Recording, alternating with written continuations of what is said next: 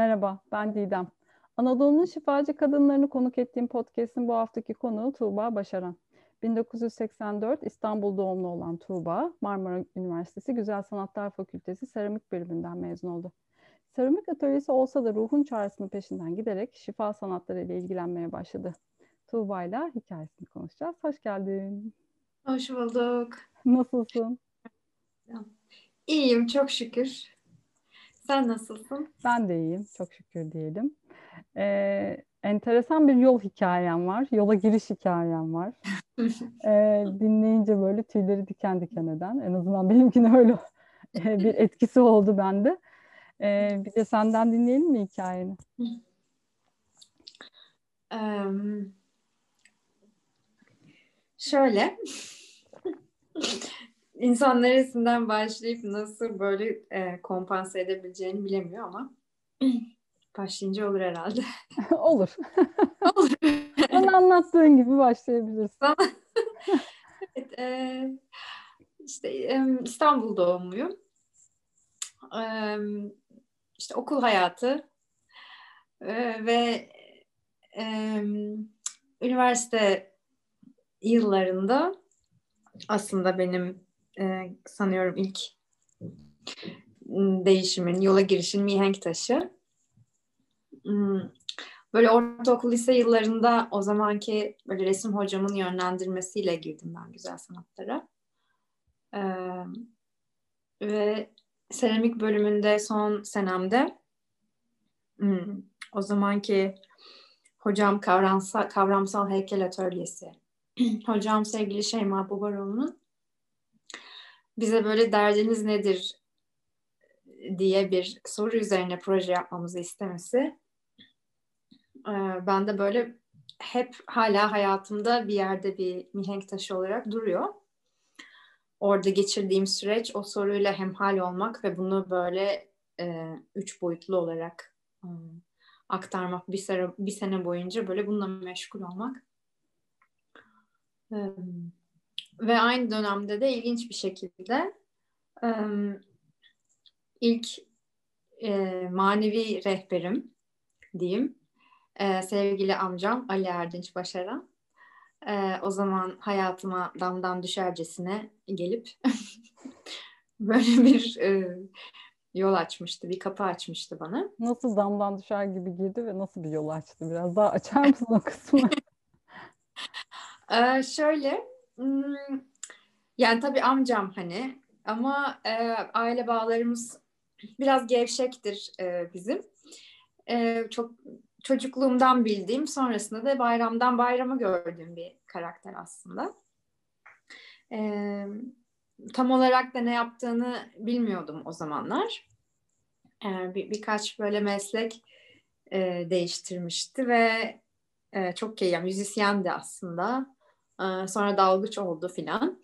Sonra en sonunda böyle bir işler yapıyor. Hani beni de davet ediyor ama ben böyle anlamıyorum ve işte bu da ailemizin delisi gözüyle baktım. Bir, te, e, bir karakterdi açıkçası. Böyle seminerlere katılıyordu, bir şeylerden bahsediyordu.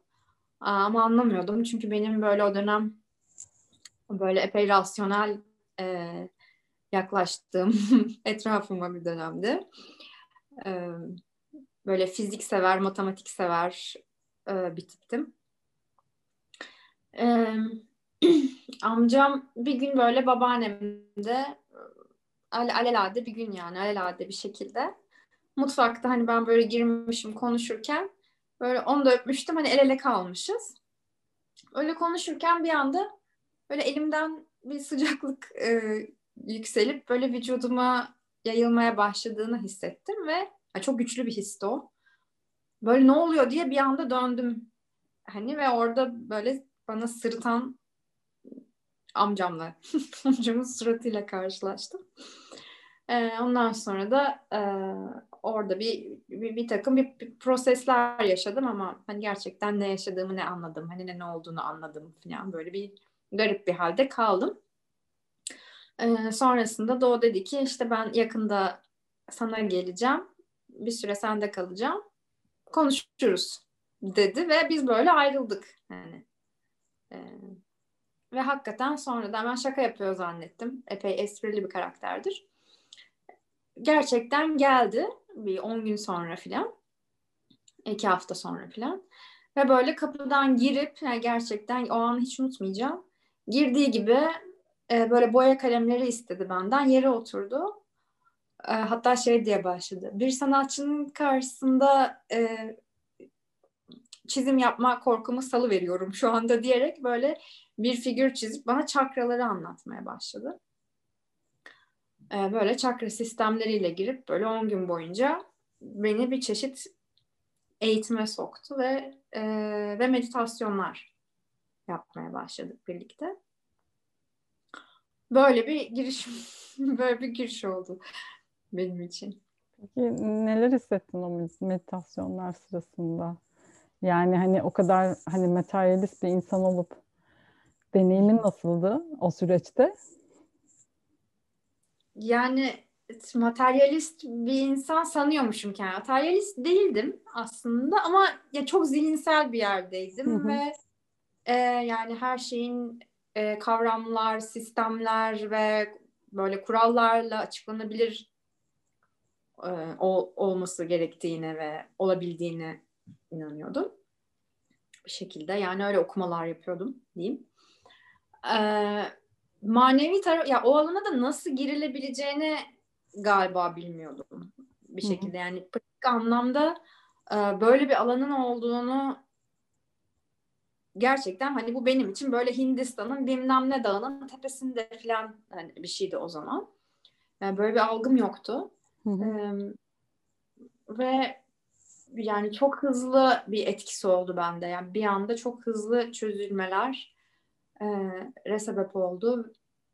Ve yani o alanın ya zaten hissettiğim ve bildiğim ve zaten beslendiğim aslında çünkü tabii ki yaratıcı alan e, zaten ayrı bir yer değil yani yine aynı kanaldan zaten çalışıyoruz oraya bağlanarak işliyor süreç ama hani bunu böyle konuşabilmek üzerinde anlaşabilmek hani o hani, bu alanı sen de hissettin mi? Aa ben de hissettim hani yani madde ötesi üzerinde anlaşabilmek ve onun e, işleyişi üzerine konuşabilmek e, bende çok büyük e, çözülmeler yarattı ve bir iyileşme süreci tetikledi diyebilirim.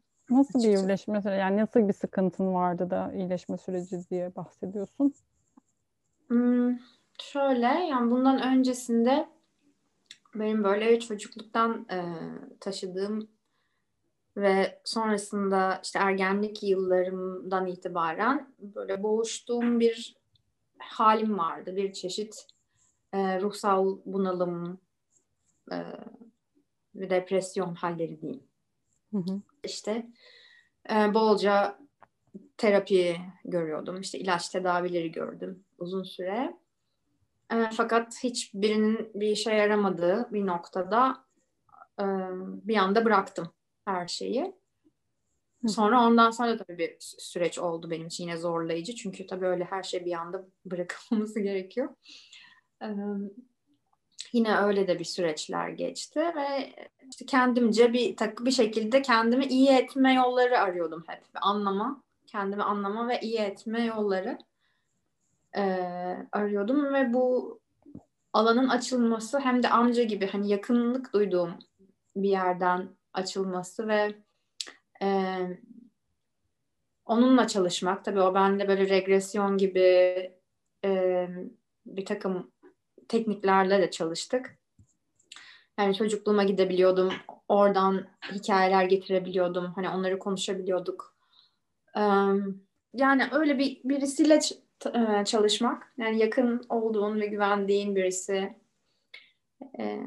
Ne bileyim ev ortamı. Böyle tabii zilyon tane soru sordum ben o sırada. Ve yani işte içinden çıkamadığım veya işte hissedip de sadece kendime has zannettiğim, sadece ben anlıyorum ve garibim ve e, işte çok herhalde farklıyım insanlardan ki bende böyle başka bir hal var. Deli miyim acaba filan gibi e, düşündüğüm birçok şey aslında karşılığı olduğunu ve böyle bir ortak dil kullanarak anlaşabildiğim bir alan ve insanlar olduğunu keşfetmiş oldum. Hı hı. Peki Aa, mesela şimdi baktığında o günlere sence sıkıntın neydi? Neden öyle bir buhranın içindeydin? Hani biraz daha net görebiliyor musun neden kaynaklandığını? Hmm, yani tabii ama tabii bu süreçler yani oldu bitti bir şey olmadı tabii ki. Hani bir şeyler çözüldü işte iyileşti ve bitti ve veya şimdi ben hani tamamladım ve bitti. Değil ve galiba insanın hayatında bu böyle bir şey değil. E, çünkü çok çocuklukta hani böyle tek bir olay değil de yani devamlı maruz kaldığınız bir e, alan varsa ve o alan sizi bir şekilde yapılandırıyorsa e, bunun etkileri insana bir şekilde işlemiş gibi oluyor. E, ve burada hani iyileşmek gibi değil de o, bu e, etkileri fark etmek ve onları e, kullanabilir olmak belki. Hı hı. E, gibi yerlere geliniyor. Şimdi gördüğüm tabii böyle tek bir şey söyleyemem bunun için ama e, en hani başlıklar altında söylemem gerekirse yani ay yani çocukluk sürecinde bir e, çok yalnız bir çocuktum ben. Böyle tek çocuğum ve hı hemen ayrıldı anne babam. E, dolayısıyla bir aile ortamı pek görmedim. E, işte tek başıma oynardım, tek başıma e, çok takılırdım. Bu mesela benim yaratıcılığımı çok tetiklemiş bir şeydir ve yalnız kalabilme becerim bu yüzden çok yüksek. Hı hı. e, um, ne bileyim bir takım şeyler yani onlar hep böyle üzerimde e, etkiler yaratmıştı. E, tabii çözemediğim için, e, anla, anlam veremediğim için de bir öfke şeklinde açığa çıkmıştı. Çünkü ihtiyaçları karşılanamayan, olduğu gibi görülmeyen, sevilmediğini hisseden, ne bileyim dışlandığını hisseden çocuk öfke du- duygusu çıkartıyor belli bir yaşta. Yani ergenlikte özellikle. Hı hı. Hani zaten isyana meyilli oluyoruz. Ben de benim mesela ilk söylediğim yani baş edemediğim bir öfkem vardı. Yani nereden geldiğini anlayamadığım baş edemediğim bir öfke hali, bir, bir sıkıntı hali vardı. Hı hı. Peki o e, üniversitedeki hocanın hani o derdiniz ne kısmında sende neler çıktı gerçekten derdin neymiş? Yani bunu ben yıllar sonra anladım Didem. Çok ilginç. Yani işi yaptım ve yaptığım işi yıllar sonra anladım. Çok ilginç bir şey oldu. Hı hı. Ee, çünkü ilk önce aslında bize kavram olarak getirmemizi istedi. Ee, yazıp sunmamız gerekiyordu. Onaylandıktan sonra işe geçmemiz gerekiyordu. Hı hı. Ee, ben böyle ilk şey diye gittim. Derdim birlik. birlik. Derdim birlik falan kadın biraz da böyle anlamadı. Birlik nedir evladım falan. Ben böyle kendi içimde bunu bir kavram olarak görüyorum ama yani bir okumam yok üzerine. O da Hı. benim muhtemelen hani bir yerden aldım ne bileyim tasavvuftan aldım falan mı zannetti. Yani böyle bir şey üstüne ben kendime uyduruyorum gibi. Halbuki benim böyle bir derdim vardı ya. Yani kendi kafamda çevir çevirdiğim bir şeydi. Ya olmaz dedi gönderdi beni. İşte diğer arkadaşlarım işte savaş dedi, açlık dedi, şu dedi, bu dedi. Olmaz deyip hep gönderdi. Dedi ki gerçek derdin. Yani sen bir savaş görmedin. Ya da ben birlik ilkesi üzerine nasıl bir dert ediniyor olabilirim? Ya da bir açlık görme. Bu senin gerçek derdin değil. Gerçek derdin nedir demesi beni böyle gerçekten hani kendi derinliğimin böyle dokuz kat altına filan attı. Hı hı. Çünkü işte derdin nedir diye böyle sorduğumuzda işte şu oldu bu oldu çocukluğumda bu oldu bilmem ne falan diyoruz ya. ya evet. işte duyum yok buyum yok filan. Birisi böyle gerçekten derdin ne dediğinde böyle wow, böyle soru böyle yankılana yankılana e, katman katman aşağılara inebiliyor. E, ve ben de öyle bir kanala girdi ki ben direkt e, işe dökmeye başladım. Yani böyle bir yere ulaştım ki direkt benden şekil ve form olarak çıkmaya başladı. Anlatamayacağım bir yer.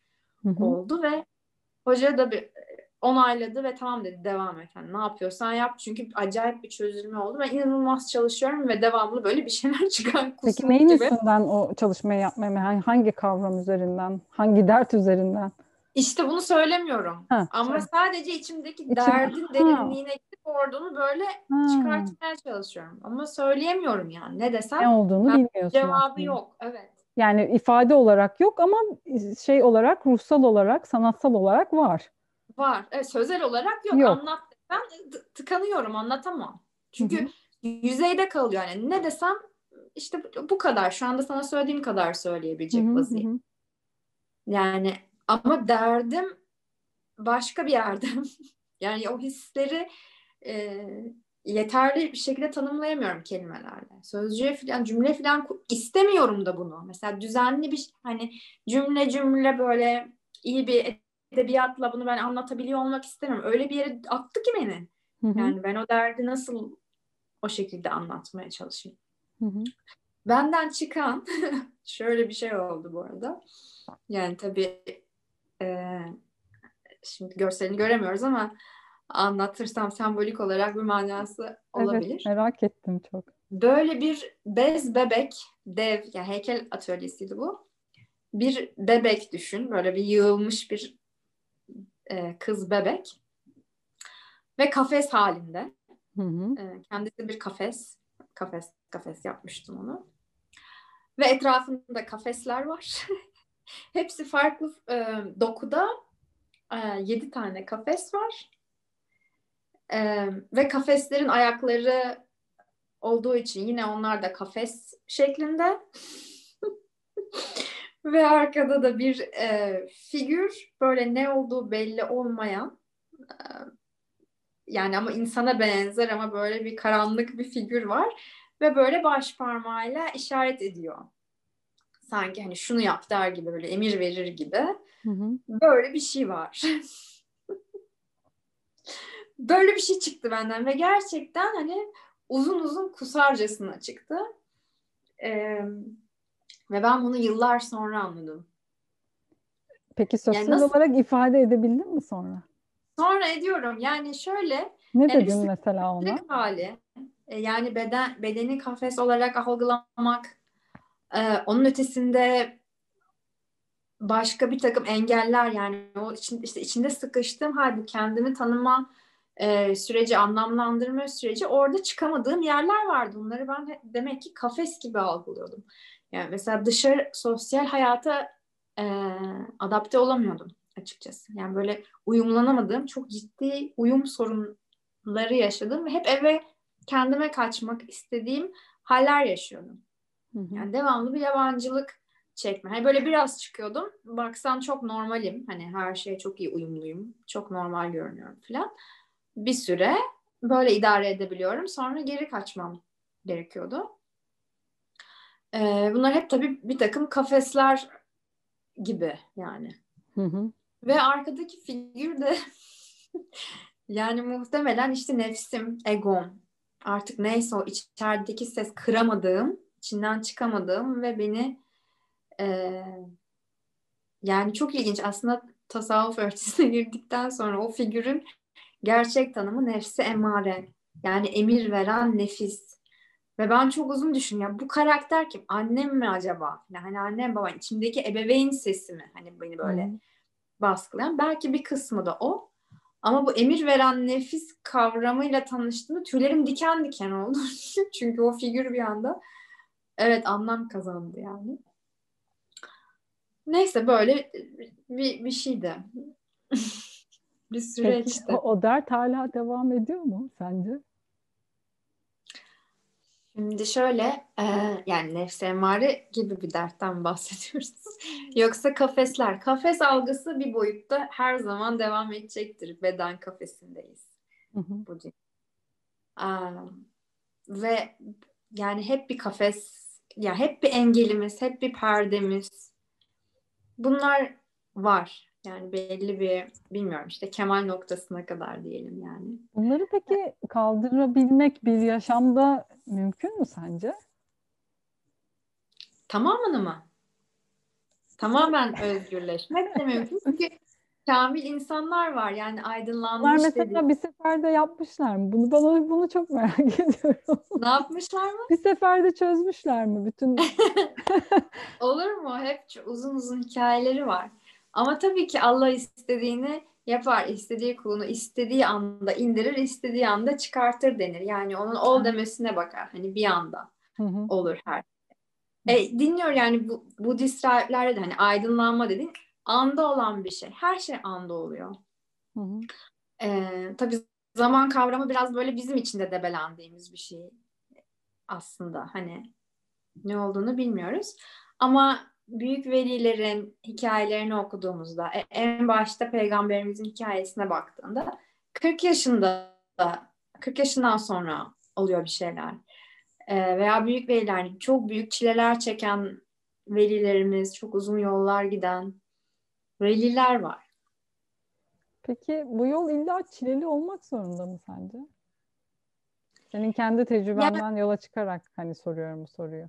Hani genel Kendi tecrübem e, büyüklerimizin, üstadlarımızın hikayelerinden de onların çünkü hikayeleri çok çileli gerçekten de. Zaten hani çil, Evet, çilehane gibi bir şey var yani. Hani kesinlikle. işte halvete girmek var. O halvette de bir, büyük bir çile var. Hani senin tecrübenden baktığında nasıl sence? İlla çileli mi bu yol? Ee, şöyle, tabii çile dediğimiz zaman biz bunu böyle istemiyoruz ya. Evet. Hani olumsuz ve kötü bir Evet. şey. Böyle, Hayır orası olmasın. Biz hep işte e, lay lay lom gidelim, rahat Evet. gidelim falan istiyoruz. Ama bu da çok tabii ki e, anlaşılabilir ve haklı bir hal. Fakat kendi tecrübemden söylemem gerekirse ben çile dediğim, sıkıntı dediğim şeylerin içinde eee, ki ilerlemeyi görebiliyorum. Yani bugün ben o yaşadığım çile dediğim, sıkıntı dediğim içinde gerçekten çok zorlandığım hallerin bugün bana e, sonrasında bana e, faydasını ve böyle o karanlıkların içinden cevherler çıkarılarak çıkma halini anlıyorum. Ve yine yaşadığım bir deneyim işte biz bunu hani ce- celal cemal tecellileri diyoruz yani buna hani mesela celal diyoruz yani bu sıkıntı çekme e, dert dediğimiz şeyler böyle biraz ateş gibi bizi yakan haller celal diyoruz daha güzelliklerle sev işte e, sevgiyle terbiye olma e, yollarına da daha cemal diyoruz ama işte bu ikisi birbirinden ayrı olmuyor bunlar el ele hayattaki karanlık ve aydınlık gibi. Yani nasıl karanlık ve aydınlık birbirinden ayrılmıyor e, ve birini birine tercih edemiyorsak Hı hı. e, bunlar da böyle gidiyorlar ve el ele gidiyorlar çok ilginç bir şekilde. Yani mesela çok net yine söyleyebilirim ki e, mesela daha iler ileri hayatımda tabii daha anlayabilir ve gözlemleyebilir oldum. Mesela çok travmatik bir deneyim yaşadığımda, çok bir sıkıntıya düştüğümde e, sanki Cemal elinden bunu alıyormuşum gibi oluyordu. Yani hem yanıyorum sıkıntının içinde Hı hı. hem de böyle ona teslim olduğum zaman yani yapacak hiçbir şey yok. Her şey elinden alınıyor bir anda. Yani böyle bir kalıyorsun. Oraya bıraktığım zaman bir yandan da böyle çok şefkatli, çok yumuşak bir kucakta gibi. Yani yardıma ihtiyacın varsa yardım geliyor, destekler geliyor, e, idrakler geliyor. Dolayısıyla özgürleşiyorsun aslında e, onun içinde. O yüzden bu ikisinin el ele olduğunu ve birlikte hareket ettiğini çok inanıyorum ve e, bu çile gibi gördüğümüz sıkıntılı süreçlerin de çok kıymetli olduğunu, yani dert olmadan dermanın olmadığını, dert olmadan gelişimin daha yavaş olduğunu diyeyim. Hı hı. Yani bir derdin varsa, e, bir dert varsa, bir rahatsızlık varsa insan oradan çıkmaya, oradan ilerlemeye çalışıyor. Oradan başka bir. Çünkü dert varsa demek ki sığamadığın bir kap var yani. Sığamadığın bir yer var. Demek ki daha fazlasına açılmak gerekiyor. Demek ki senin e, daha geniş bir kabın var ve ruhun o- yetmiyor şu anda oraya. Çıkmak istiyor oradan.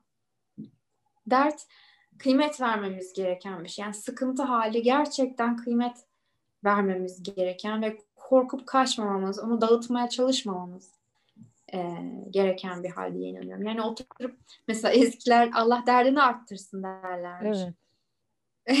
Allah derdini art ne kadar şimdi bize zor ama e, yani Ya dert aman çeken Allah bunu- korusun filan deriz. Aman tüylerimiz diken diken oluyor.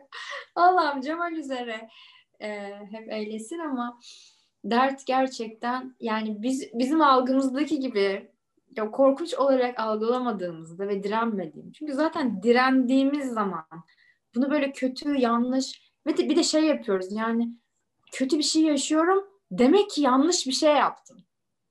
Bir de böyle çok sert böyle bir insan hemen kendine de yüklenmeye başlayabiliyor. Ee, öyle de bir yer var. E, bu sefer ne oluyor? İşte direnç olduğu zaman işte sürtünme oluşmaya başlıyor ve aslında o sürtünme bize asıl acı veren şey. Hı hı. Peki Çünkü neden bizim sence direniyoruz? Direncimizin sebebi ne? E, çünkü nefsin işine gelmiyor yani. Nefsin Neden, işine neden gelmiyor? Yani oradaki şey ne? İşine gelmeyen şey ne sence? E yani şöyle düşün. Oruç tutmak. Hı hı. Mesela bu, bu bir, bir yöntem değil mi? Yani Hı hı. bizim Doğru. bir nefsi terbiye yöntemlerinden bir tanesi. E, şimdi oruç tutmak nefsin işine geliyor mu? Ya gelmiyor. Niye ki dersin yani? E işte biraz su içeyim.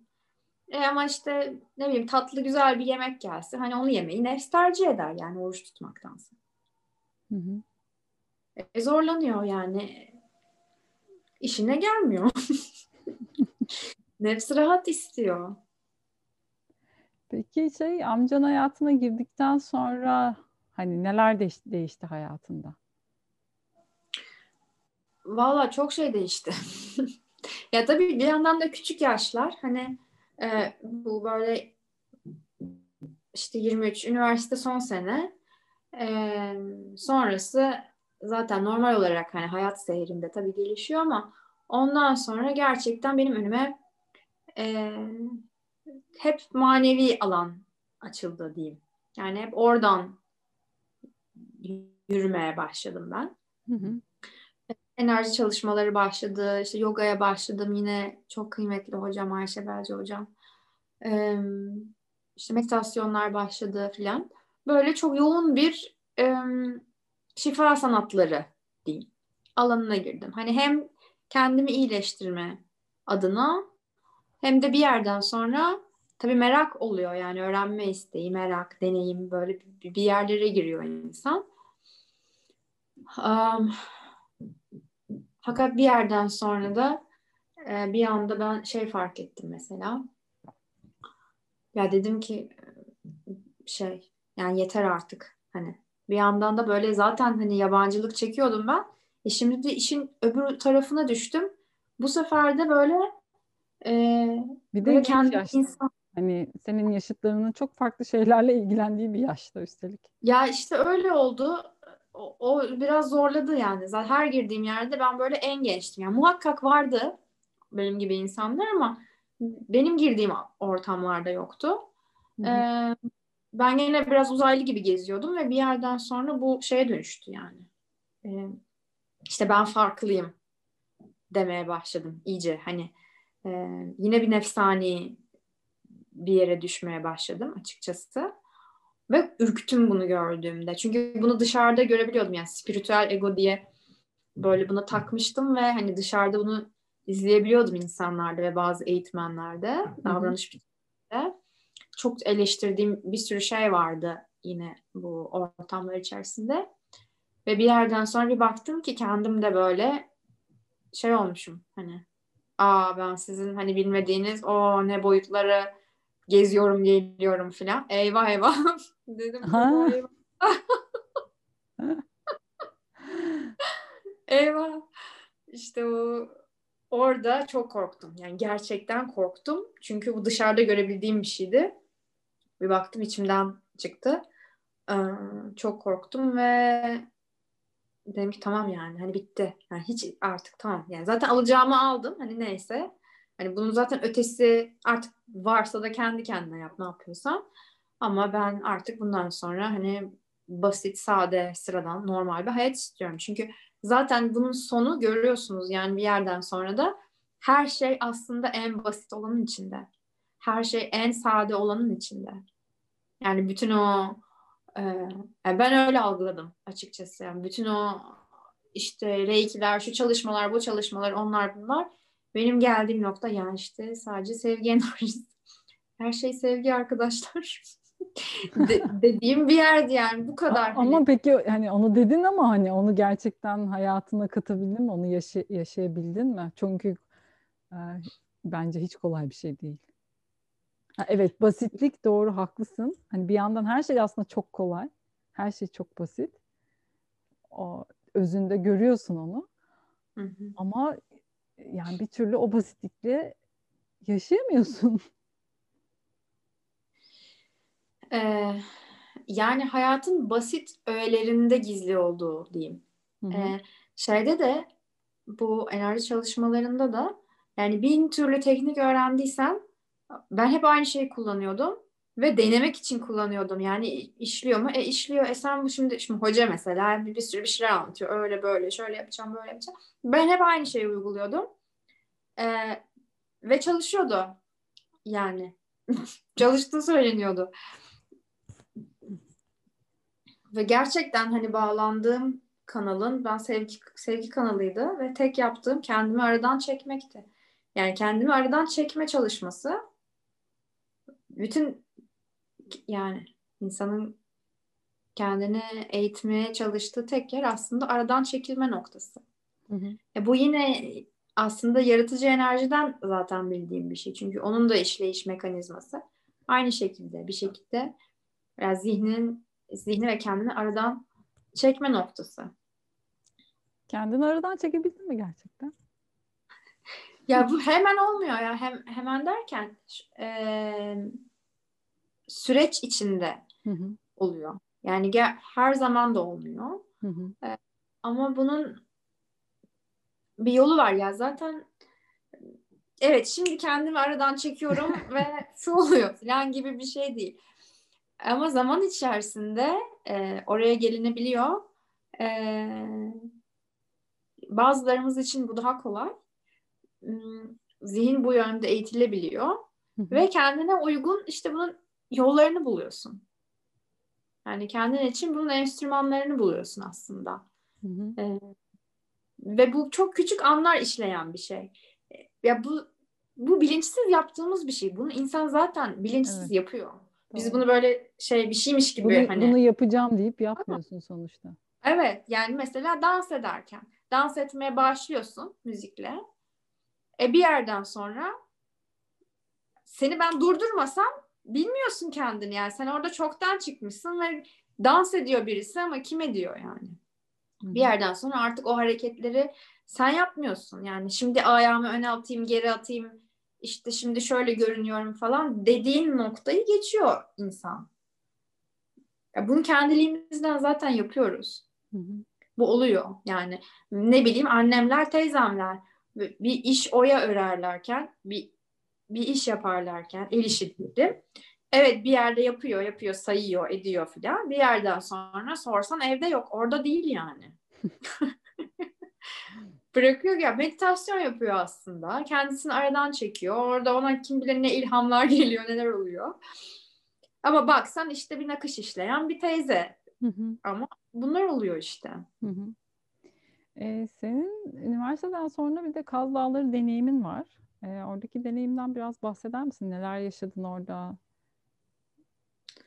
Evet işte ben bu sade hayat ve sadelik e, ve basitlik dediğim noktada işte kırsal e, isteği vardı. Hep vardı zaten bende şehirden çıkma isteği de. Hani iyice böyle bir anlam kazanmıştı. E, orada da yine amcamın böyle çalışma yaptığı bir yer vardı. Bizi tatile diye çağırdı. E, gittim ve gidiş o gidiş ben orada gönüllü çalışarak ve yaşayarak böyle dört, yaklaşık dört sene kadar bir zaman geçirdim. İstanbul'a yine gidip geliyordum. Son sene özellikle daha çok gittim geldim. böyle bir vakit geçirdim ama orada da yine kaçtığım şey hani peşimden geldi. Ee, böyle orada da birçok çalışma, birçok e, işte retreatler, kamplar yapılan bir alana dönüştü orası. Öyle geçti yani köy hayatı ve neler peki kendine ilgili nelerle yüzleştin orada? Kırsaldaki deneyim nasıldı? Seni nasıl geliştirdi? Nasıl büyüttü? Kırsal deneyimi şöyle bir kere çok istediğim bir şeydi ve böyle çok hayalini kurduğum e, bir deneyimdi. Tabii onun gerçeğini görmek var. Gerçeğiyle yüzleşmek o deneyimin. Yani o hayatın zorlukları, e, ne bileyim işte, işte soğukta kalkıp soba yakmak, işte veya banyo yapmak veya işte bir şeylerin ulaşabilir şehirdeki konforumuzun ulaşabildiğimiz şeylerin hani orada olmaması ve ilişki dinamiklerinin tabii çok farklı olması gibi gibi e, şey yönleri var. Bunlara uyum sağlayabildiğimi görmek, e, kotarabildiğimi görmek e, bana çok iyi geldi ve çok şey öğrendim. Yani zaten çok meraklıydım. E, dolayısıyla ve de bir öyle bir ailenin içindeydim. Yani oranın e, yerlisi olan e, Alevi bir e, aileyle birlikteydim. Hı hı. Dolayısıyla çok şey öğrendim. Yani kültürü izlemek de benim için çok cazipti. Çünkü kapalı bir köydü. E, korunmuş bir kültür vardı. Hı. O, o yani çok güzel insanlardı. Onlarla birlikte olmak da benim için çok besleyici bir deneyimdi. Ee, ruhsal anlamdaki gelişimi nasıl etkiledi? Ruhsal anlamda da ya bir kere hayatımda sanıyorum ilk kez bu kadar insan içinde oldum. Yani devamlı insan içinde. bu kadar yalnızken. evet yani bir anda çok o anlamda çok ilginç. Yani buna adapte olabilmem beni bile şaşırttı açıkçası. Ee, ama çok çalışıyordum. Yani çok fazla hareketliydim. Ee, o yüzden öyle oldu diye düşünüyorum. Ee, ya çok bir, bir yani o işte o kafeslerden birkaçını kırmama yaramıştır. Bu kadar insan içinde devam hani gözümü açıp kapatıp hep, insan içinde olma hali. Tabii yine kaçıyordum e, dağlara bayırlara ama e, çoğunlukla hep e, insan içinde olmak özellikle ve de yani bir aidiyet duygusu da geliştirmiştim aslında. Çünkü işlevsel bir e, bir şeyim vardı. E, ne bileyim zeytin topluyordum işte ya da hani ne ihtiyaçsa hani iş olarak ot toplamak mı, bir şey taşımak mı, e, ne bileyim veya işte kahve servisi yapmak mı, yemek yapmak mı, her neyse o basit işi çok gerçekten keyifle yapıyordum. Ee, bir çeşit hizmet algısıyla yapıyordum. Ve hmm, bir, bir, bir çeşit aidiyet, işlevsellik ve aidiyet. Yani tam olarak kafamda aslında tasarladığım e, şeyin gerçeğini gördüm ve kendi üstümdeki etkisini de izledim. Hı hı. Bu, bu bana çok iyi geldi. Sonrasında bir de Bali yolculuğun var. Bali'ye neden gittin? Sonra işte bu şey oldu. bu Kaz Dağları süreci bende biraz travmatik bir şekilde kapandı. Çünkü orada tabii bir şeylerin ucunu kaçırdım. Ne gibi mesela? Birazcık açar mısın? yani işte uyumlanacağım, uyum biraz uyum yeteneğim yüksek olabiliyor. Ve o uyum içinde e, Tuğba'yı kaybedebiliyorum. Hmm. Kay- yani kaybetmişim. O zaman öyle oldu. E, yani oradan çıktığımda böyle biraz şeydim yani evet ne yapıyordu Tuğba ya? Kimdi neydi? ne yapıyordu şehire koyunca ne yapıyordu bu e, bu kız diye böyle e, bir yabancılaşma yine yaşadım. Hı hı. E, işte böyle bir, bir, bir sıkıntıyla ayrıldım yani birazcık da travmatik oldu benim için dediğim hı hı. gibi. Bir sistemim çöktü sıfırdan ve o halle baş edemediğim için e, ve dört senedir de hiçbir yere gitmediğim için dedim ki ben böyle hiç bilmediğim bir yere gideyim yani. Hiçbir şeyini anlamadığım, bilmediğim. Hani ki beni oyalasın her gördüğüm şey. E, derken işte Bali açıldı. Yani önce bir arkadaştan geldi. Sonra sağdan soldan e, geldi. İlginç bir şekilde sanki herkes o sırada Bali'ye gidiyormuş gibi bir durum vardı yani. E, öyle gittim. Yani aslında Hindistan'a gitmek isterdim ama cesaret edemediğim için aslında e, Bali'ye gittim yani. Hı hı. Orada bir süreç ve oradan zaten yine benim oradan sonra da işte seyahat süreçleri başladı. Hı hı. Yani orada ben zaten bir 5-6 sene kışlarımı böyle seyahatlerle geçirir oldum. Ama bunlar da hep yine sezgisel bir yerden, böyle çağrı hissettiğim yerlerden, e, tam olarak ne olduğunu bilmediğim, tam olarak ne yaptığımı bilmediğim, biraz da hani bu belirsizlik içinde de hani zorlandığım ve e, hani çok keyfini çıkartmak varken aslında bunaldığım e, bir şekillerde böyle bir seyahatler süreci. Peki biraz oldu. Bali deneyiminden bahseder misin? Hani yolculuklar başladı ama hani oradaki açılımlar nelerdi? Ee, orada yani tabii ki ilk kez bu kadar uzağa tek başına seyahat etmek ve kalmak yine e, yine güçlendirici bir deneyim oluyor. Hı bir şekilde. Bir de hakikaten kültür çok ilginçti. Hani her şey hakikaten çok yeni ee, ve benim böyle Balili arkadaşlarım oldu hemen. Dolayısıyla hani kültürün içine iyice gündelik hayatların içine girdim. Çok sevdim. Ee, çok iyi anlaştım. Böyle bir şekilde çok da yakın hissettim yani bizim kültürümüze. Onlar da öyle hissediyorlar İslam kültürüne bir şekilde. Çünkü zaten Endonezya'ya bağlılar da e, en yüksek hani Müslüman topluluk orada ama onlar Hindu tabii. E, sonra ve bir yandan da işte çalışmalara yine e, işte yogadır, meditasyondur, türlü çeşitli çalışmalara katılıyordum. E,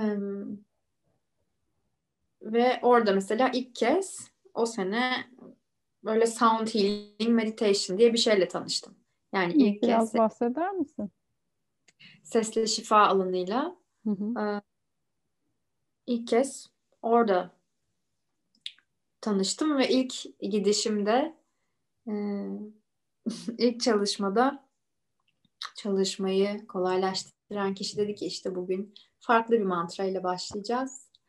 E, doğudan bir mantra e, hep beraber işte kalktık el ele tutuştuk. O böyle gitarını aldı ortaya geçti falan ve başladı La ilahe illallah söylemeye. ne hissettin o anda? Yani ben ne hissettiğimi de anlamadım. Açıkçası böyle bir gülme ve ağlama ve inanılmaz bir katarsis geçirdim ben orada. Hı hı. Ee, ben böyle el ele hani dünyanın türlü farklı yerlerinden gelmiş insanlarla şarkı söyler gibi bir melodiyle La ilahe illallah çekerek dönüyoruz yani. Peki mesela burada Türkiye'de de hani e, bu tarz şeylere biraz daha kapalıyız ve direncimiz var açıkçası. E, yani öyle yetiştin mi bilmiyorum ama e, yani orada onu söylemek nasıl hissettirdi sana? Hani bir tuhaf karşıladın mı yoksa evinde gibi mi hissettirdi? Nasıl bir duyguydu o? Yani çok işte diyorum ya katarsis geçirdim. Yani çok yüksek bir şey yaşadım ama ne yaşadığımı da anlamadım açıkçası. Hı hı. Belki o anda hem dirençlerim kırıldı hı hı. hem e, bir yuva hissi hem yani nasıl bu beni burada buldu hissi. Yani çünkü o zaman öyle bir idrak yani la ilahe illallah zikri çekilir diye bir kavram bile yok benim kafamda. Yani hı hı. öyle bir ortamı bile hani hayal edemem. Ee, o zaman ama böyle bir şey karşıladı beni ve yani gerçekten ne yaşadığımı anlamadım ama çok yüksek bir e, bir şey yaşadım. ve tanımsız yani. Sonrasında da böyle şaşkındım ve yine enerjim çok yüksekti. Çok şaşkınım. Çünkü gidiyordum hani kirtanlar falan oluyordu. Evet. İşte mantralar söylüyoruz. Mantra söylüyoruz yani. Öyle bir şey bekliyorum. Hani çoğunu da biliyorum falan. Hayır, bununla karşılanmak bende bir karşılığı da yok. Yani yoktu o zaman. Yani la ilahe illallah'ın bende bir çekmen, onun zikrinin mantrasının bir karşılığı yok bende. Hı hı. Ama buna rağmen böyle bir deneyim yaşadım. Ee, Türkiye'ye dönme kararın peki bu deneyimden sonra mı oldu? Yok. Ee, yani zaten 3 haftalık bir seyahat olarak gittim Hı. ve 3 3 aydan fazla kaldım orada ve aslında yerleşmek üzere döndüm. Ee, çünkü bir anda böyle bütün koşullar benim için ayarlanmış gibiydi yani. Bali'ye yerleşmekten Böyle- bahsediyorsun değil mi? Evet. Hı. Evet evet. Yani işte seramik atölyesinden e, işte başka bir çalışacağım dükkana kadar böyle bir sürü şey arkadaşlarım şeyim yani fiyatlar çok uygun zaten işte koşullar çok rahat şu bu. Dedim tamam ben geleceğim. Burada yaşıyorum ya her şey hazır şu anda. E, diye döndüm oradan ve sonra e, döndüğümde babamın kanser olduğunu ve o süreç içinde olduğunu öğrendim. Onunla böyle uzun bir sürecimiz oldu. Çok şükür e, atlattı ve iyileşti. Çok şükür. E, böyle sonra gidemedim tabii ve sonrasında da hani o fikir de e, zaten eridi yani sistemimde. E, sonra tekrar gittiğimde de aynı koşulları bulamadım. Bir sürü şey değişmişti. İşte expat kanunları değişmişti filan. Zaten çok şey değişmişti. Muhtemelen gidip yine taslamı tarağımı toplayıp bir sene sonra en fazla geri gelecektim. Hı hı. Ki ben hiç öyle yurt dışında yaşama fikri taşıyan bir insan e, olmadım açıkçası. Yani hep toprağını çok seven, her gittiğinde çok özleyen Hı hı. Bir tipim yani normalde. E, ama işte böyle çağrılarla hep gittim açıkçası yani yurt dışına. Tasavvufla yolu nasıl kesişti? Tasavvufla yolum hmm, böyle düşündüğüm zaman ilk sanıyorum Metin Bobaroğlu'nun sohbetlerine giderek başladı. Hı hı. e, 2009 yılında. Ve oraya gittiğimde de gidince öğrendim ki bu bahsettiğim e, üniversitedeki seramik hocam aslında Metin Hoca'nın eşi. Bana böyle bir evet o da biraz şaka gibiydi.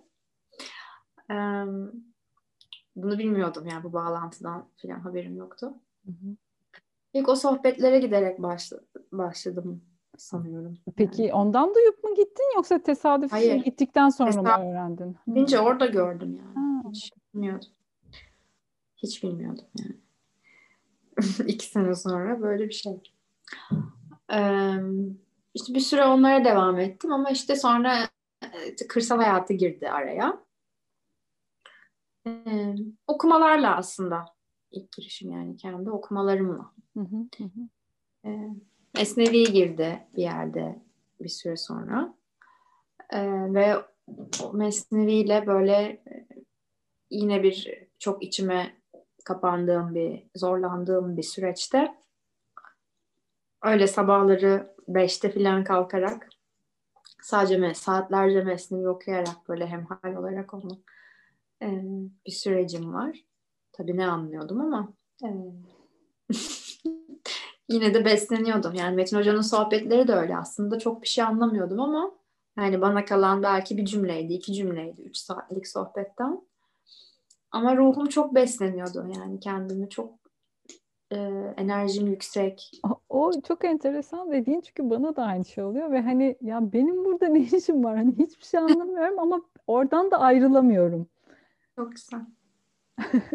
Evet işte ruh biliyor yani biz Evet. zihin zihinle anlamaya çalışıyoruz bir şeyler. Halbuki Hı hı, ruh biliyor, yapacağını yapıyor. hı hı. Zaten o çekiyor gidiyorsun işte. Peki O sonrasında bir rehberin, bir hocan oldu mu? Sonra da oldu evet. Ee, evet. Şimdi de var. Biraz daha çeşitli hocaları. ben sanki seni zorla konuşturuyormuşum. ya. Yani çok özelse tabii bahsetmek zorunda değilsin. Paylaşmak Yani istersen o süreci nasıl bir süreç? Nasıl bir deneyim? benim süreçler yani çok benim dışımda yani yine yani kendimi içimde bu içinde bulduğum durumlar Hı hı. açıkçası. Yani öyle oldu. Ee, ilk şey oldu. Ee, bu bir seyahatimden evet Hindistan'dan dönüşte galiba. Böyle bir arkadaşım gel hadi Yalova'ya gidelim orada işte şu bir şeyler oluyor falan. Ben tam anlamadan bir gittim. Ee, bu Yalova'da o zaman 99 gündü galiba. 99 gün 99 gece Hı. toplantılar Oruç Evet. Hoca'nın. Allah rahmet eylesin. Oruç, Oruç Güvenç Hoca e, organizasyonlarıydı. İlk aslında hani pratik anlamda yani sohbet sonrası daha böyle hani sema, işte tasavvuf müziği, işte zikir falan tanışmam e, aslında orada.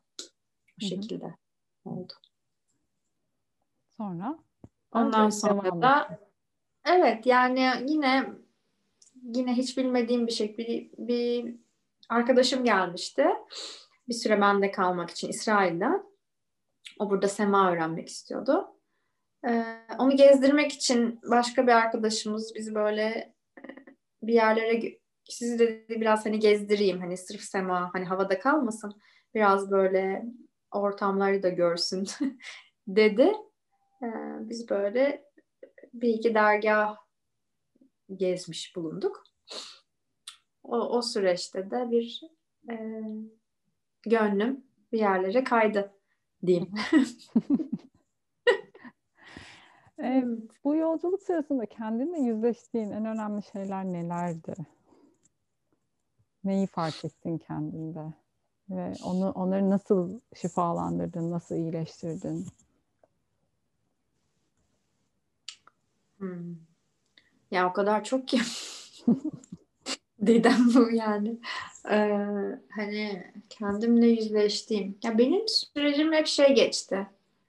Ee, çocukluğa git, oradan hikaye çöz, onun bugündeki yansımalarını gör ee, ve toparlamaya çalış gibi bir şey. Ee, ve benim böyle katman katman açıldı.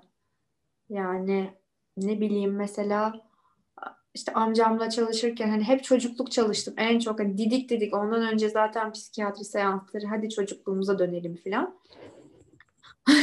didik yani oraları kurcalıyoruz. Ama gitti gitti gitti yıllar yıllar sonra mesela en temel mesele ki çok da aslında hani basit bir şey o kadar girmişim çıkmışım hatıralar deşmişim. Çok sonra çıktı açıldı. Mesela hani e, benim en kendimle ilgili yani işte aslında hep kendi hakikatimizi bulma, kendimizi tanıma yolculuğu ya. Yani hep o gözle baktım. Hani anlamak istiyorum. Kendi gerçeğimi yaşamak istiyorum. Kendi gerçeğime ulaşmak istiyorum. Ulaştım sanıyorum. Bir şeyler eksik kalıyor. Yani anlayamıyordum. Yani tamam hani bu işte burada biz bunu yapmaya geldik. Hani bunu yapıyoruz ama hayır tam değil yani bir şekilde e, tam olmuyor. Ben yine eski e, kalıplarım ayağıma dolanıyor. Bir şekilde yine işlevsiz kalabiliyorum. Hmm, filan ve en son noktada e, anladığım e, aslında yaratıcı işte tarafımın onu onu bastırma halinin onu kullanmıyor olma e, tam olarak ne yapmak istediğini dinlemiyor olma hali. Ee, tabii bunların getirisi hayatta başka türlü tezahür ediyor. Yani orada orada bastırdığım özümden içimden gelen sesler hayatta bende başka türlü tezahürler ediyor ve insan bu sıkıntıları bazen yanlış yorumlayabiliyor. Yani biz o sıkıntılarla boğuşuyor oluyoruz. Halbuki onun altında ki mesele e, çok daha temel, aslında çok daha basit. E, orada duyulmayı, görülmeyi bekleyen bir çocuk oluyor genelde. Yani hep biz böyle çok ım, tabii farklı farklı da hikayelerimiz var, farklı farklı sorunlarımız var. Ee, böyle çok çeşitli gibi görünüyor ama tabii özünde hepimizin e, çok temel belli, belli dertleri var yani. Hı hı hı. Sevilmeyi istemek, sevilme ihtiyacı, onaylanma ihtiyacı, olduğun gibi görülme ve kabul edilme ihtiyacı. Sen kendini olduğun gibi kabul ediyor musun peki artık? İnşallah. Yani bu bilmiyorum tam olarak hani bu her zaman böyle hep aynı noktadayım diye bir bir şey ne kadar mümkün. Ee, ama yani işte hep o mekanizmayı tanımak benim için hı. Ee, yani o, o hep o sesler ne bileyim regl öncesi mesela. Biliyorum ki ben şimdi başlıyor yani daha böyle kendimi düşük hissettiğim, daha böyle eski kasetlerimin e, işte yetersizsin, yeteri kadar yapmadın, işte bunu da şöyle yap, bak burası eksik kaldı falan diyen mesela bir kasetim var. Ee, işte ben biliyorum ki bu özellikle regl öncesinde e, oynamayı sever yani. Hmm, bak bu, bu güzel bir şey olmuş olabilir, ipucu vermiş olabilir şimdi insanların o kadınların regl öncesi yaşadığı o muhtemelen herkeste dönen kaset aslında. bu çok Aa, bu kasetmiş deyip e, aydınlanmış olanlar olabilir dinlerken. Evet o, o, o, o yani hem kolektif bir kaset zaten gücünü oradan alıyor. Hmm, O kolektif olmasını alıyor. Özellikle kadın hikayesi genelinde baktığımız zaman. hı hı. Çünkü yani çağlar boyunca değersizleştirilmiş bir varlıktan bahsediyoruz. Yani o kasetin olmaması zaten abes olurdu. Ee, o var ve oradan besleniyor ama tabii hikayemiz, hikayelerimizde bir de bunu böyle e, ballandıracak diyeyim öğeler varsa e, o kaset daha sık e, ve daha yüksek sesle çalabiliyor. Doğru, doğru söylüyorsun. Peki biraz daha o sesleri yumuşatmayı başarabildin mi bu yolda? Hani eskiye kıyasla. İşte hep onun yöntemleri peşindeyim açıkçası. bunun yöntemleri nelerdir? Yani birincisi bunun gerçekten kolektif bir mesele olması ve kadına dair e, çok güçlü bir yerde olması. E, benim bayağı şey alanım yani merak, ilgi alanım diyeyim. O yüzden yani bunun temelinde bir kere kadının hikayesini tanımak, Hı hı. kadının gerçek yerini bulmak, Ee, kadının kıymetini, bedeninin, hassasiyetinin, yaratıcılığının, merhametinin e, ve tüm işte kadına dair güçlü öğelerin e, kıymetini bulmak, kadına gerçek yerini, kıymetini geri vermek, kadınlar arası ilişkiyi onarmak ve böyle birbirimize daha ım, kardeş bir yerden, daha hı. gerçekten aynı yere bağlı olduğumuz, aynı sıkıntıları çektiğimizi, aynı özlemleri duyduğumuz, bildiğimiz bir yerden daha güvenli alanlar birbirimize yaratıp tutarak, daha e, bağlarımızı güçlendirerek e, ve aynı şekilde de kendi kendimizle bağlantımızı, kendi içimizdeki kız çocuğuyla, kendi içimizdeki anneyle, içimizdeki büyük anneyle e, ilişkilerimizi de onayla, e, onarıp gözlemleyerek e, yine bu bu alanı onarmak mümkün diye düşünüyorum. Hı hı. Ee, biraz da yaptığın çalışmalardan bahsedelim Bunun istiyorum. en temelinde de kadın. Hı. Hı. De yani zaten or- oraya geliyor Hı hı. e, konu. Çünkü bunun da yine en temelinde e, kadının yaratıcı enerjisiyle bağı meselesine geliyoruz. Yani kadın e, hepimiz yaratıcıyız. Her insan evladı Hı hı. yaratıcı varlıklarız. E, yani sanatçı anlamında değil ama genel olarak yaratıcıyız. Yani fikirsel olarak, düşünsel olarak, her türlü yaratıcıyız. Zaten yaratıcı olmasaydık belli bir e, koşullandırma içinde kalırdık. Keşif yapan, icat yapan varlıklarız. Kadın tabii çocuk doğurması, bir rahim sahibi olması dolayısıyla yaratıcılığın en yüksek mertebesine sahip. Yani daha bedensel olarak bile mekanizma yaratıcı e, vasfına daha yakın. Dolayısıyla o o enerjiyi kullanabilir olmak, e, kadının kendi kendisini sahiplenmesi, buna izin vermesi ne benziyor. Çünkü baktığın zaman mesela yaratıcı alanla ilgili e, toplumsal modern toplumun diyeyim söylemleri e, yine dişi üzerinden e, kadın üzerinden olan söylemlere de çok benziyor. Yani yine benzer bir e, aşağılama, yine benzer bir küçük görme, değersiz görme durumu e, biraz toplumda da var.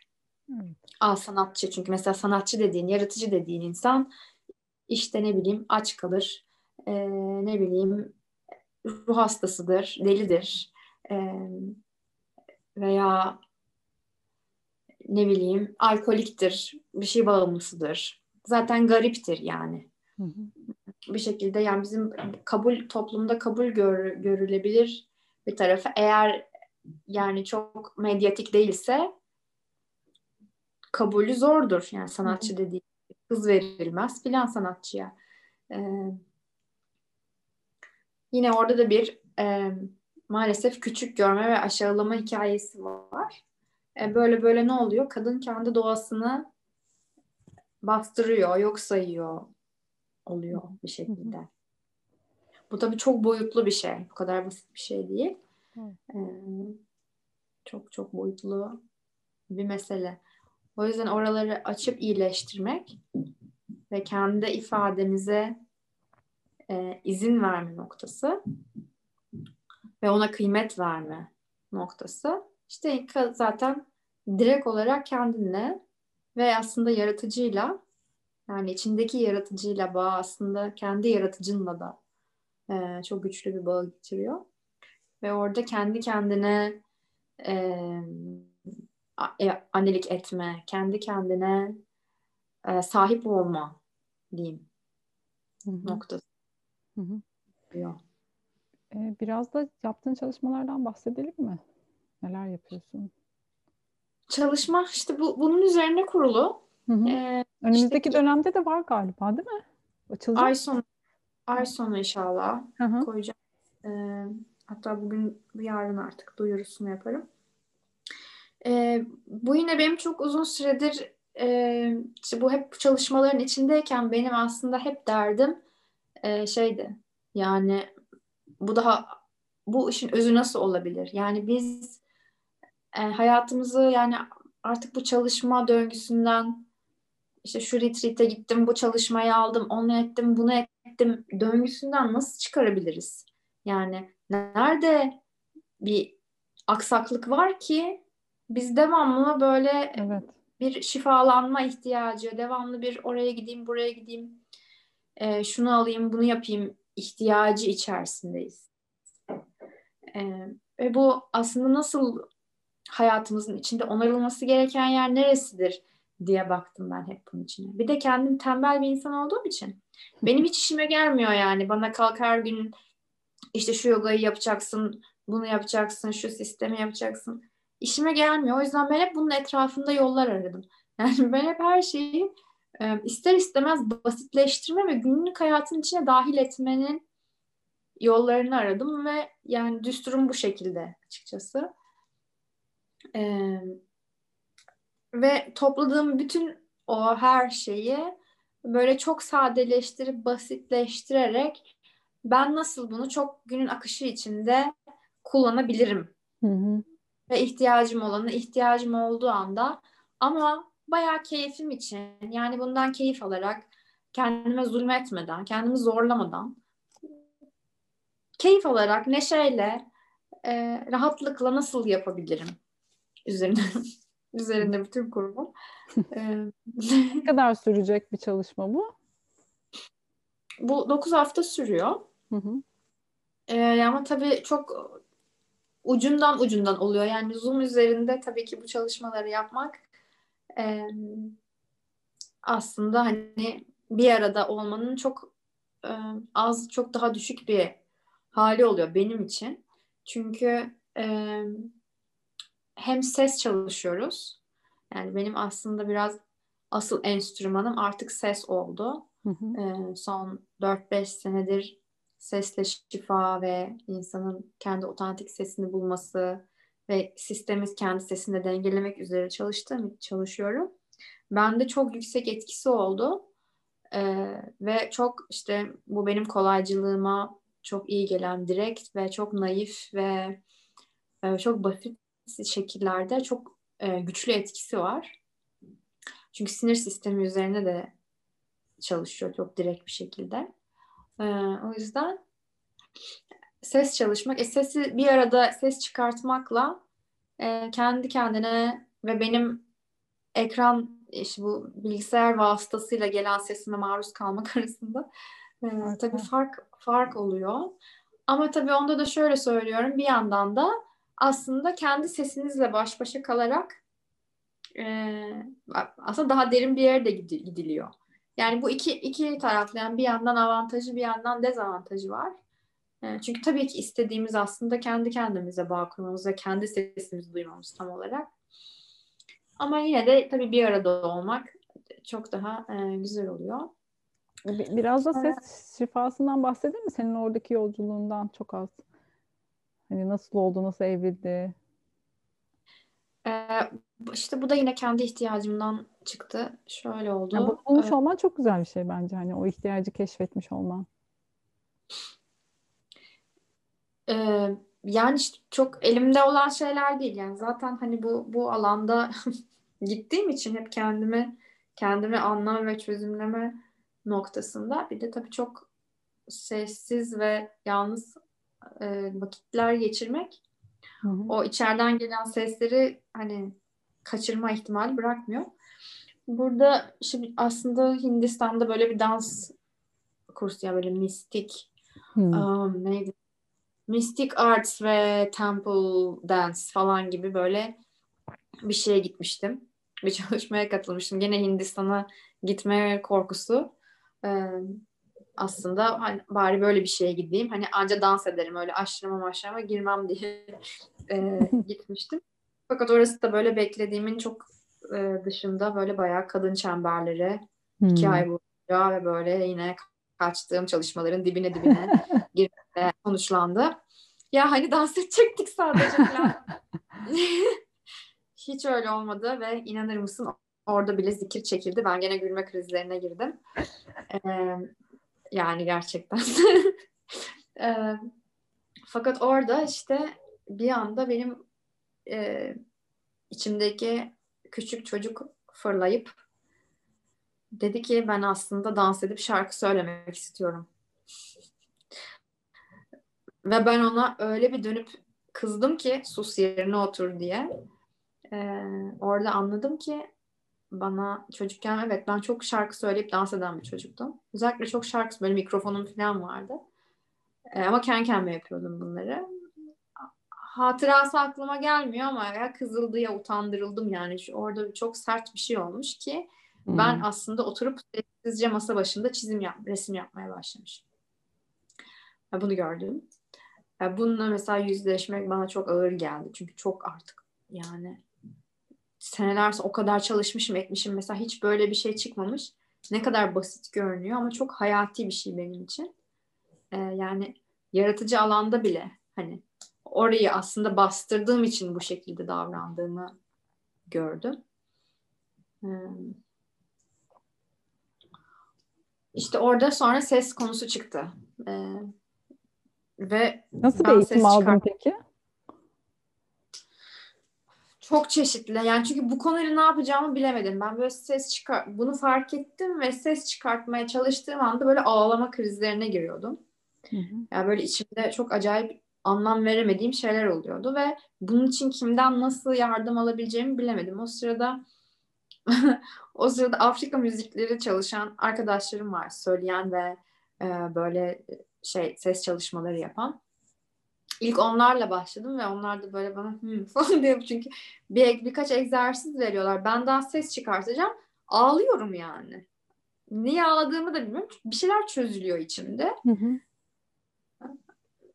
Ama işte anlamlandıramıyordum. Böyle başladı. Sonra çok sıkıntı çektim açıkçası. Çünkü gerçekten ne oluyor bana ve ben bununla ne yapacağım bilemedim ama işte hep neyse çok şükür hı hı. E, çeşitli çeşitli işte o sıra Türkiye'de Kefas Berlin geliyordu. Onunla çalıştım. İşte ne bileyim Hint müziği çalışmaları yapan vardı bir tane. Hanya gelmişti. Hanya Lütfi.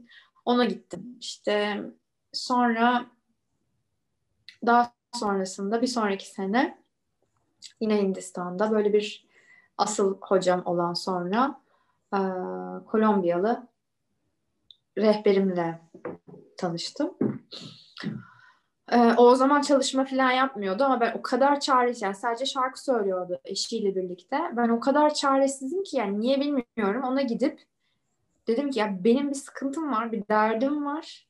E, bir şeyler yaşıyorum ben ve bunu ne olduğunu da anlamıyorum. Ee, senle acaba biraz ses çıkarabilir miyiz? Yani hani korkma benden diyorum. Yani hani ses çıkartacağız. Hani sen normal şan dersini verirsin artık bana hani sesle. Bana bir şeyler oluyor. Beni artık idare et. Hani ben o çözülmelerimi yaşayacağım falan diye kadına gitti.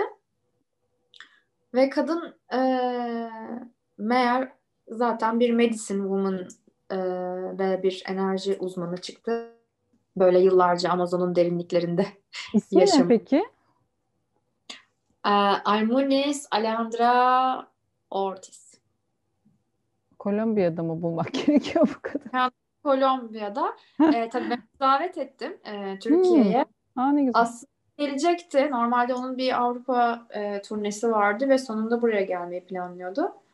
Fakat pandemi girdi. Hmm. Hı hı. E, yani inşallah diyoruz. İnşallah. e, onu onu gerçekten evet böyle paylaşmayı isterim yani herkes. Ee, yine öyle Elaine Kümin diye bir başka bir hocam oldu. O da Meksikalı çok özel bir insan. Ee, böyle. Yolda olanlara, yola çıkmak üzere olanlara ne söylemek istersin? Yola çıkmak üzere herkes ben herkesi yolda görüyorum açıkçası. Hı hı. Yani yola çıkmak, yolda olmak, olmamak diye bir şey görmüyorum. Hepimiz bir yolda yürüyoruz hep birlikte. Hı hı. Bir yürüyen varsa diğerleri de o yolu yürüyordur gibi de geliyor bana. Yani hı. hep beraber bağlıyız birbirimize. Ee, dolayısıyla çıkmak diye bir şey bilmiyorum ama yolda olmak ya bir kere yolda olmak fikri kavram olarak yoldayım, yol yürüyorum demek güzel. Ee, çünkü tabii hedef düşünme. Yani hedefimiz nedir? Kendimizi tanıma noktası. Değil mi? Kendi hakikatimize erme noktası. Çünkü mutluluk dediğimiz tatmin dediğimiz artık ne dersen yani ulaşacağımız yer yine aslında kendimiz kendi evimiz, kendi hakikatimiz. İnsan ancak kendi hakikatine uygun yaşamaya başladıkça zaten onu hissediyor. Yani iyileşme dediğimiz şey de, şifa dediğimiz şey de aslında bir hastalıktan iyileşmek falan değil. Ayarından çıkmış e, bir şeyleri doğru doğru hizaya sokmak. Yani yine kendi hakikatimize uyumlanmak. Hı hı. Şifada. Ben böyle algılıyorum şifayı da. Ee, o yüzden bu, bu güzel yani yolda olmayı söylemek ki bu bizi belki biraz uyanık tutan e, bir şey olabilir. E, ve ve herkesin yoluna ve yolculuğuna e, saygı duymanın çok önemli olduğuna inanıyorum. E, kimin nereden, ne anda, ne fark edip ne yöne döneceği hiç belli olmaz. E, biz bilemeyiz. Yani insanların içinde neler olduğunu, ne yaşadığını, nelerden geçtiğini bilmiyoruz. Ve yarın ne olacağımızı, kendi ne olacağımızı da başkasının ne olacağını da bilmiyoruz. O yüzden en önemlisi kendi yolumuzla meşgul olmak ve herkese belki e, her olanı yine ayna olarak kabul edip aslında kabulde olmak yani bir şekilde kabulde teslimiyette olma hali çok kıymetli. Bu da yine dinleme noktasını getiriyor aslında benim için. Yani benim tüm süreçlerde tüm işte yaratıcılık olsun, işte manevi hayat olsun, yani ne dersen de her alanda dinleme bilgisinin, dinleme halinin e, çok hayati bir önemi olduğuna inanıyorum. İnsanın kendini dinlemesi hı hı. ile başlayarak hı hı. bir dinleyici olmak, e, o açıklıkta, o alıcılıkta olmak ve hep bir şeyleri bilmeye çalışmak değil de hep bir sorular çözmeye çalışmak, işte halimizi hep böyle bir zihinsel yolla analiz etmeye, cevaplar bulmaya çalışmak değil ama e, çünkü her şey var ve e, her şey ulaşabileceğimiz mesafede tüm bilgi hem bizde hem etrafta e, her şey ulaşılabilir bir halde. Bizler de alıcıyız zaten yapı olarak. E, yeter ki ona izin verelim. Sorularla durmayı bilelim. Sıkıntıyla durmayı bilelim.